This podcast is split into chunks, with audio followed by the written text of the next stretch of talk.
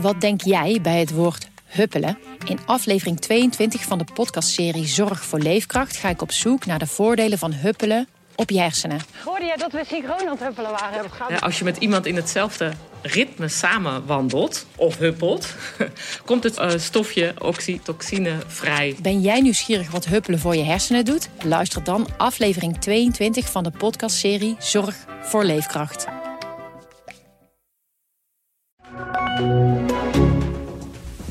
Dit is de AD Nieuws Update met Annemarie Fokkens. Voor de derde avond op rij zijn ruilschoppers de confrontatie aangegaan met de politie. Op meerdere plekken in het land was het onrustig. Er werden brandjes gesticht en zwaar vuurwerk afgestoken. In basisschool De Gezellenhoek in Roosendaal ontstond een brand. Vermoedelijk door een vuurwerkbom. Onze verslaggever Jelle Akerboom is nu in Roosendaal. Jelle, hoe is de situatie daar nu? Op meerdere plaatsen, ook hier in Roosendaal, was het onrustig, zwaar vuurwerk. Ik sta nu uh, hier bij de Gezellenhoek, inderdaad, deze basisschool. Ik heb net de directeur Kim even kunnen spreken. Er is vuurwerk naar binnen gegooid, waardoor een lokaal helemaal is uitgebrand. Er is heel veel rook binnen. Alle leraren die zijn nu uh, bij elkaar gekomen en ja, die zijn even aan het bespreken wat nu te doen. De school gaat niet open en ze zijn nu aan het bellen naar ja, alle leerlingen en ouders om, om, om dat in ieder geval te berichten dat de school niet open gaat. Uh, er is achter de school nog een tunneltje die leidt naar een woonwijk. Ook daar was het onrustig. Daar zijn auto's uitgebrand en ramen van woningen eh, ingeslagen met stenen. Ja, de leraren hier die ik even gesproken he heb, die zeiden ja, het is in en in triest. En zijn dat de enige twee plekken of was het op nog meer plekken onrustig gisteravond? Nee, het was weer druk uh, gisteravond. In Groningen bijvoorbeeld is een opticien leeg geplunderd. En daar heeft de ME de binnenstad moeten leegvegen. Dat was ook het geval in Enschede, waar ook een noodbevel is afgegeven. In Leeuwarden, bij de wedstrijd van SC Cambuur, was het heel onrustig. Relschoppers met zwaar vuurwerk in de weer. Daar is ook de wedstrijd een aantal keer stilgelegd. Een noodbevel in Roermond, in Stijn. Ja, het was erg druk gisteravond. Uh, de politie heeft echt het uiterste moeten geven. En gisteravond waren zo'n 50 aanhoudingen nodig. Jelle Akerboom vanuit uh, Roosendaal, dankjewel voor je bijdrage. De verdachten die vrijdag zijn opgepakt bij de rellen in Rotterdam staan deze week al voor de rechter. De railschoppers worden verdacht van openlijke geweldpleging, vernieling en het hinderen of belagen van hulpverleners.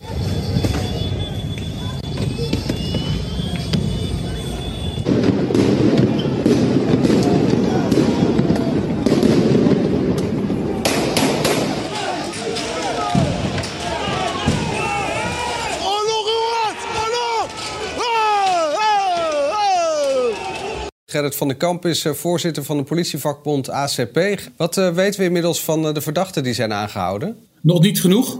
We weten in ieder geval wel dat het vrij jonge mensen zijn. Flink aantal minderjarigen, maar ook mensen die jong volwassen zijn.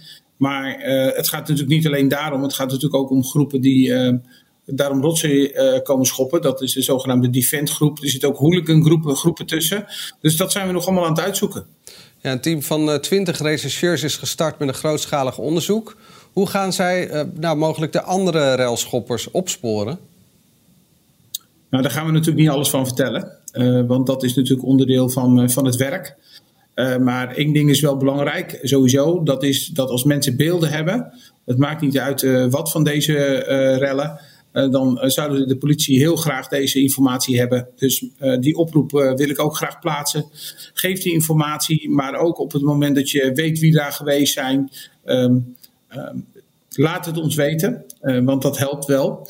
Um, en aan degenen die hier geweest zijn, roep ik op: vroeg of laat komen we toch aan de deur. Dus het is misschien beter om je nu maar meteen te melden. Ja, Um, nou ben je voorzitter van de politievakbond. Heb je dan ook uh, contact gehad met de agende, agenten die deze avond werkten? En zo ja, wat vertellen ze jou? Ja, dat begon eigenlijk om, uh, nou ja, al heel snel die vrijdagavond, om ongeveer uh, kwart voor acht, toen de eerste signalen er waren dat het fout ging. dan zitten wij natuurlijk ook in appgroepen en in allerlei andere informatiekanalen. En toen zagen wij al dat het helemaal misging. En dat liep heel snel op. Um, en toen was het al duidelijk dat het een buitengewoon ernstig uh, incident zou worden. En grote rellen die wat ons betreft uh, nou ja, te gek zijn voor woorden. En collega's hebben het daar zeer zwaar gehad. iedereen heeft het ook kunnen zien. ze zijn dan met palen die uit de grond gerukt zijn. Die zijn bekogeld, hekken, vuur. heel zwaar vuurwerk. Ehm, nou ja, hier zie je ook natuurlijk voertuigen die kapot gemaakt zijn. En het is echt een wonder dat het hierbij gebleven is en dat er geen zwaar gewonden dan wel doden zijn gevallen. Ja, de railschoppers die zochten duidelijk de confrontatie met de politie. Agenten hebben zelfs gericht geschoten. waarom voelden ze zich genoodzaakt om hun pistool te trekken? Die noodzaak komt voor uit wat wij noemen noodweer. En dat betekent simpelweg dat je vreest voor je eigen leven of die van anderen. En dat je eigenlijk geen kant meer op kunt. En als je deze beelden ziet, dan mag het ook logisch zijn. En je ziet ook wat enorm geweld hier gebruikt wordt. En de collega's eh, moesten dus kiezen of zij zelf of deze uh, gekken die dit gedaan hebben. En uh, ja, dan is het uiteindelijk zo dat zij het wapen trekken. Zelfs dan eerst nog waarschuwingsschoten doen. Dus dat iedereen weet van ja, weet je, nu ehm, zit je bijna tegen het maximum aan van wat de politie kan doen aan, om je tegen te houden. Um, en uiteindelijk hebben ze dus zelfs gericht moeten schieten, omdat een aantal mensen gewoon niet ophielden. Ja, je zegt al, we zitten bijna tegen het maximale aan uh, wat we kunnen doen. Wat betekent dit voor de inzet van de politie bij toekomstige rellen? Nou, de druk op de politie is de laatste periode al heel extreem. Uh, wij hebben al heel vaak uh, gewaarschuwd voor de onderbezetting als gevolg van het feit dat er een heleboel mensen stoppen bij de politie die uh, gewoon met pensioen gaan. Daar heeft de overheid, maar ook de korpsleiding veel te laat op gereageerd. Dus uh, de druk op deze groep collega's is extreem groot. En dat betekent simpelweg dat we een heleboel andere werkzaamheden niet kunnen gaan doen. Uh, je hebt ook gezien dat het natuurlijk niet alleen tot Rotterdam beperkt is gebleven. twee avonden daarna in allerlei steden. Dus um, ja, je ziet gewoon dat, dat dit het maximale vergt. En eigenlijk uh, hebben collega's zoiets van ja, dit kan niet langer doorgaan zo. Gerrit van den Kamp van de politievakbond uh, ACP, dankjewel voor je uitleg. En we blijven nog even bij Rotterdam. Rotterdam wordt vandaag wakker na een heftig weekend vol geweld. De grote vraag is, hoe kon het zo uit de hand lopen? Helaas uh, moest de politie vrij snel de conclusie trekken dat uh, nogal wat van mensen die daar stonden niets vredigs uh, meebrachten, maar erop uit waren om te rellen. de politie is op verschillende momenten zwaar geattaqueerd door de demonstranten, de rellenschoppers moet ik zeggen. Op verschillende momenten heeft de politie zich genoodzaakt gevoeld het wapen te trekken om uiteindelijk zichzelf te verdedigen. Adrianne de Koning is uh, verslaggever van het Rotterdams Dagblad. Adrianne, laten we even beginnen bij uh, de demonstratie van vrijdagavond. Want jij stond daar als verslaggever tussen.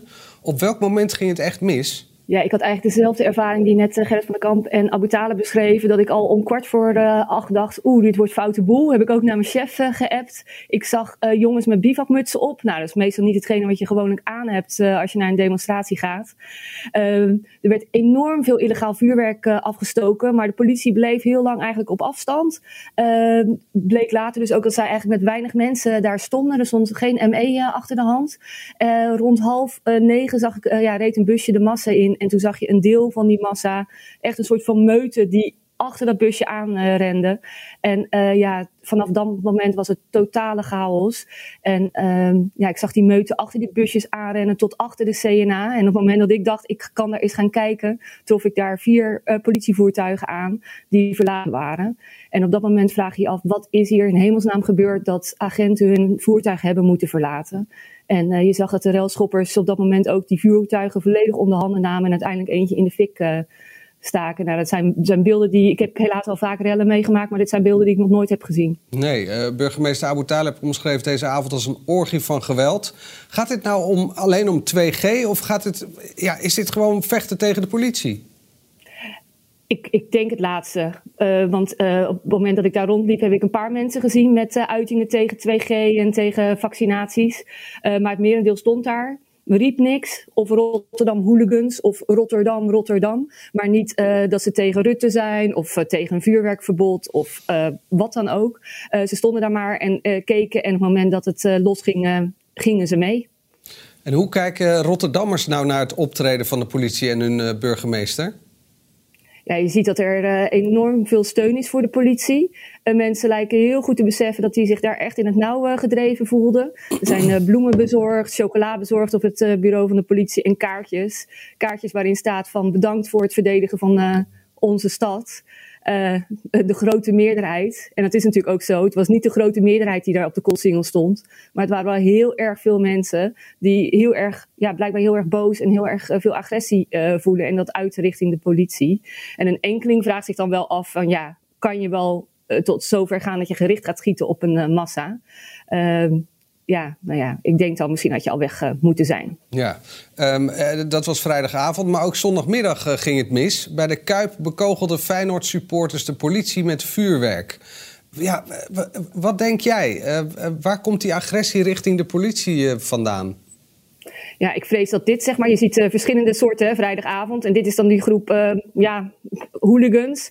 Uh, ik meen niet zozeer de georganiseerde hooligans, maar gewoon jongens die erop afkomen en zin hebben in een ja, verzetje en het spannend vinden om uh, met de politie uh, slaags uh, te raken. Het was maar een deel van de groep die naar de Kuip was gekomen om het voetbalteam te steunen. Zij scheiden zich af toen anderen eigenlijk allemaal al vertrokken en gingen richting het Maasgebouw. Misschien dachten ze dat ze daar naar binnen konden komen, zoals bij andere wedstrijden is gebeurd. Maar de politie stond daar, was duidelijk met voorbereid, nu wel met ME. En op het moment dat een agent een stap in hun richting doet, ik denk om te vragen van hey, jongens, ga eens opzij, jullie staan in de weg. Want mensen die uit de bioscoop komen, die naar de testraad moeten, die daar om de hoek is, die kunnen er niet langs. Gooien ze direct met vuurwerk als antwoord. Dus ja, dat, groepje, er waren enkele tientallen, die waren er echt op uit. Uh, ik denk dat je dat bij vrijdagavond ook zag. Maar wat je vrijdag ook zag, was natuurlijk een groep uh, coronademonstranten. Die uh, ook elders in het land natuurlijk al vaak de confrontatie zoeken met de politie. en daarnaast heel veel gelegenheidswelschoppers. Uh, dat is eigenlijk de massa die een soort anonimiteit verleent aan degene die er echt voor komen. En uh, die vinden het spannend. Je ziet ze bijna huppelen door de straat. op een bepaald moment ligt de koolsingel bezaaid met stenen. Ze pakken er eentje op en gooien naar een politiebusje. En filmen dat allemaal voor hun eigen kijkers. Live. Ja, ze zijn er live bij en ze doen ook af en toe even mee als het zo uitkomt. En wat kan Abu Talib nou doen om te voorkomen dat het straks opnieuw escaleert in zijn stad? Nou, je zag uh, de afgelopen uh, avonden, zaterdag en zondagavond, dat er uh, veel politie aanwezig was in het centrum. stonden busjes boven aan de koopgoot waar het allemaal begon en ze reden heen en weer. Ja, ik denk dat dat op het moment de enige, het enige antwoord is om te proberen er vroeg bij te zijn en te voorkomen dat er een grote groepen op de been komen. ja, voor de lange termijn ik weet het niet. Ik, uh, Abu Talib vertelde dat hij ook met zijn, ja, de, de politiechef en met de hoofdofficier bij elkaar had gezeten op vrijdagavond. En de vraag opkwam, wat bezielt deze mensen? En ik denk dat als je er niet stond, en zelfs als je er wel stond, dat je niet eens antwoord kan geven op die vraag. Het is in ieder geval duidelijk dat door corona de spanningen enorm oplopen in de samenleving. Er zijn natuurlijk grote verdeeldheid over vaccineren, niet vaccineren, welke weg we moeten bewandelen om eruit eh, te komen. En wel of niet gewoon oud en nieuw uh, vieren met elkaar. En die tegenstellingen die uh, zorgen tot, uh, voor agressie, maar ook mensen die misschien gewoon verveeld zijn. En, en zoals die jongeren die erop afkomen denken, ja, dus wat moet je daarmee? Ja, hopen dat corona snel voorbij is. En ja, misschien toch ook wel uh, proberen er vroeg bij te zijn. Bij uh, Feyenoord zag ik uh, kleine jongetjes, echt 12, misschien 13, die er ook op afkomen en met een grote gelach op hun gezicht wegrennen als er een hele harde vuurwerkbom afgaat. En ja, hè, als de politie de wapenstok grijpt, staan ze op afstand, maar dan rennen ze ook weg alsof het een spelletje is. en ja, ik hoop dat hè, de politie, zag ik ook al met die jongens praten al eerder, ik hoop dat zij wel nou ja, dat je voorkomt dat er een nieuwe generatie opstaat die het ook uh, normaal vindt om te gaan uh, vechten met de politie. Adrianne de Koning, uh, dankjewel voor je toelichting. Waar in Nederland voorgenomen beperkingen voor ongevaccineerden nog zeer gevoelig liggen, Moeten de Grieken er al aan geloven? Vanaf vandaag mogen mensen zonder vaccinatiebewijs niet overal meer naar binnen. Thijs Kettenis is eh, onze correspondent in eh, Griekenland. De voorgenomen 2G-maatregelen leiden in Rotterdam tot eh, heftige rellen. Is dat in Griekenland ook gebeurd? Nee, afgelopen weekend niet. Maar ook in de afgelopen weken. Ja, er zijn er wel demonstraties geweest. net zoals in andere EU-landen. Maar die waren lang niet zo heftig als wat we in Nederland gezien hebben. En zeker niet in Rotterdam. Af en toe waren er wel wat rellen maar uh, ja, het waren relatief kleine groepen en het was vreedzaam. Uh, degene waar je hier het meest van hoort eigenlijk, ook qua protesten, dat zijn de zorgmedewerkers. Want die moeten hier in Griekenland verplicht gevaccineerd worden. en als ze dat niet doen, dan worden ze op gesteld. Dus nou ja, inmiddels is 80% ingeënt van die zorgmedewerkers, maar een deel nog niet. En die komen nog wel regelmatig op de been. Maar tot zulke rellen als in Rotterdam, absoluut niet. Nee, dus dat het daar vreedzamer is. Zou je dan kunnen zeggen dat er onder de Grieken meer draagvlak is voor de beperking voor ongevaccineerden? Nou, onder een deel van de Grieken in ieder geval wel. Uh, uh, niet onder alle Grieken. Maar uh, kijk, wat, uh, voor, wat heel erg helpt, is dat eigenlijk hier het, sinds de zomer het, het, het, normale leven weer door is gegaan volledig. Althans, voor wie dus gevaccineerd is of een herstelbewijs heeft. dus ook de horeca zijn volledig open voor hen. ook binnen, s s'nachts, nachtclubs zijn propvol. Um, en dat betekent dat ja, uh, voor degenen die dus inderdaad wel een, een prik hebben, uh, of als ze geprikt zijn of, of hersteld zijn van corona, die merken eigenlijk niet zo ontzettend veel meer van, um, van het probleem. dus onder hen is, de, is het draag, draagvlak daardoor eigenlijk groot. En, en nou ja, de regering hoopt natuurlijk eh, dat die de, de, degenen die nog tegen zijn um, uh, meetrekken. Uh, en zodat die zich ook over laten halen om zich te laten vaccineren. En dat is natuurlijk anders in Nederland, waar ja, nu de horeca om acht uur bijvoorbeeld dicht is en daar toch echt iedereen wel last van heeft. Ja. Ja, Um, in Nederland is er wel een heftige discussie, zowel in de samenleving als in de politiek, over de invoering van de uh, 2G-regel. Is dat in Griekenland dan ook minder heftig? Uh, die discussie is wel wat minder heftig, maar hij wordt wel degelijk uh, gevoerd. En die gaat hier eigenlijk heel, voor een groot deel wel langs de lijnen eh, van de, van de, van de twee grote politieke blokken hier. Wat je vaak ziet in Griekenland is, want er is nu hier een vrij rechtse regering. links zit in de oppositie. en wat je dan vaak ziet is dat aanhangers van links dan zo automatisch tegen elk beleid zo ongeveer zijn van wat rechts in dit geval, de huidige regering dus, voorstelt en uitvoert. Uh, dus je ziet veel um, mensen die, die, die tegen zijn, ja, die, gaan, die zijn eigenlijk op vrij veel, bijna alles van deze regering tegen. Dus dan, de, dit is een vrij gepolariseerde samenleving. Er is altijd heel veel discussie. Uh, maar in dat, ja, de corona valt daarin niet zo op. dat gaat eigenlijk over alle onderwerpen. dus ook op, ja, op, op dat punt moet ik zeggen, is het hier rustiger en minder heftig dan in Nederland. Ja, is heeft dat rustige en misschien ook wel minder rellen... heeft dat ook te maken met de sociaal-economische situatie waarin Griekenland verkeert? Nou, veel Grieken hebben in ieder geval niet uh, de, financiële mogelijkheden uh, uh, om, nou ja, bijvoorbeeld als, je hier moet, als je hier niet gevaccineerd bent of niet hersteld en je naar je werk gaat, moet je je laten testen twee keer per week. Dat kost geld. nou ja, veel Grieken hebben daar niet de financiële mogelijkheden toe. nog even los van het gedoe. En verder is het, uh, nou ja, die, die sociaal-economische problemen hebben natuurlijk de afgelopen jaren tot enorm veel protesten geleid. Met name een paar jaar geleden, uh, toen, daar, uh, toen hier die financieel-economische crisis echt was. Ja, en het, veel Grieken zijn wel een beetje moe gedemonstreerd ook. Het is lastig om, om ze nog ergens voor echt op de been te krijgen. En, en, dus er is ook een soort van een, een vorm van, van gelatenheid, zo zou je het wel kunnen noemen. Uh, tot slot, kan uh, Nederland nog wat leren van Griekenland? Poeh, ja, dat is, ja, dat is een lastige. Uh, want de Grieken zijn toch wel echt anders dan Nederlanders. Um, wat hier merkt dat wel werkt hier, is dat er wordt iets minder, in ieder geval in de politiek, eindeloos van tevoren gemasseerd en gediscussieerd. er wordt een beetje wel het water gevoeld, maar vervolgens worden maatregelen doorgevoerd en ook verdedigd. En dat is het dan. En daar wordt dan niet toch eindeloos over gediscussieerd in allerlei uh, media uh, of in het parlement. Uh, nou, wil ik niet zeggen dat het in Nederland ook zo werkt of dat het per se goed is. Maar je merkt wel dat het, dat geeft ook een zekere rust. En dat is ook best wel prettig. Die lullen maar doorvoeren. Griekenland-correspondent Thijs Kettenis, dankjewel voor je toelichting.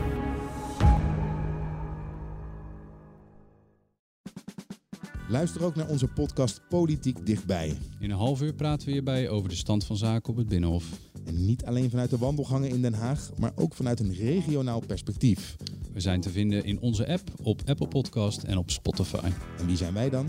Wij zijn Leonard Beekman en Tobias den Hartog. Wat denk jij bij het woord huppelen? In aflevering 22 van de podcastserie Zorg voor Leefkracht ga ik op zoek naar de voordelen van huppelen op je hersenen. Hoorde je dat we synchroon aan het huppelen waren? Ja, als je met iemand in hetzelfde ritme samen wandelt of huppelt, komt het uh, stofje oxytocine vrij. Ben jij nieuwsgierig wat huppelen voor je hersenen doet? Luister dan aflevering 22 van de podcastserie Zorg voor Leefkracht.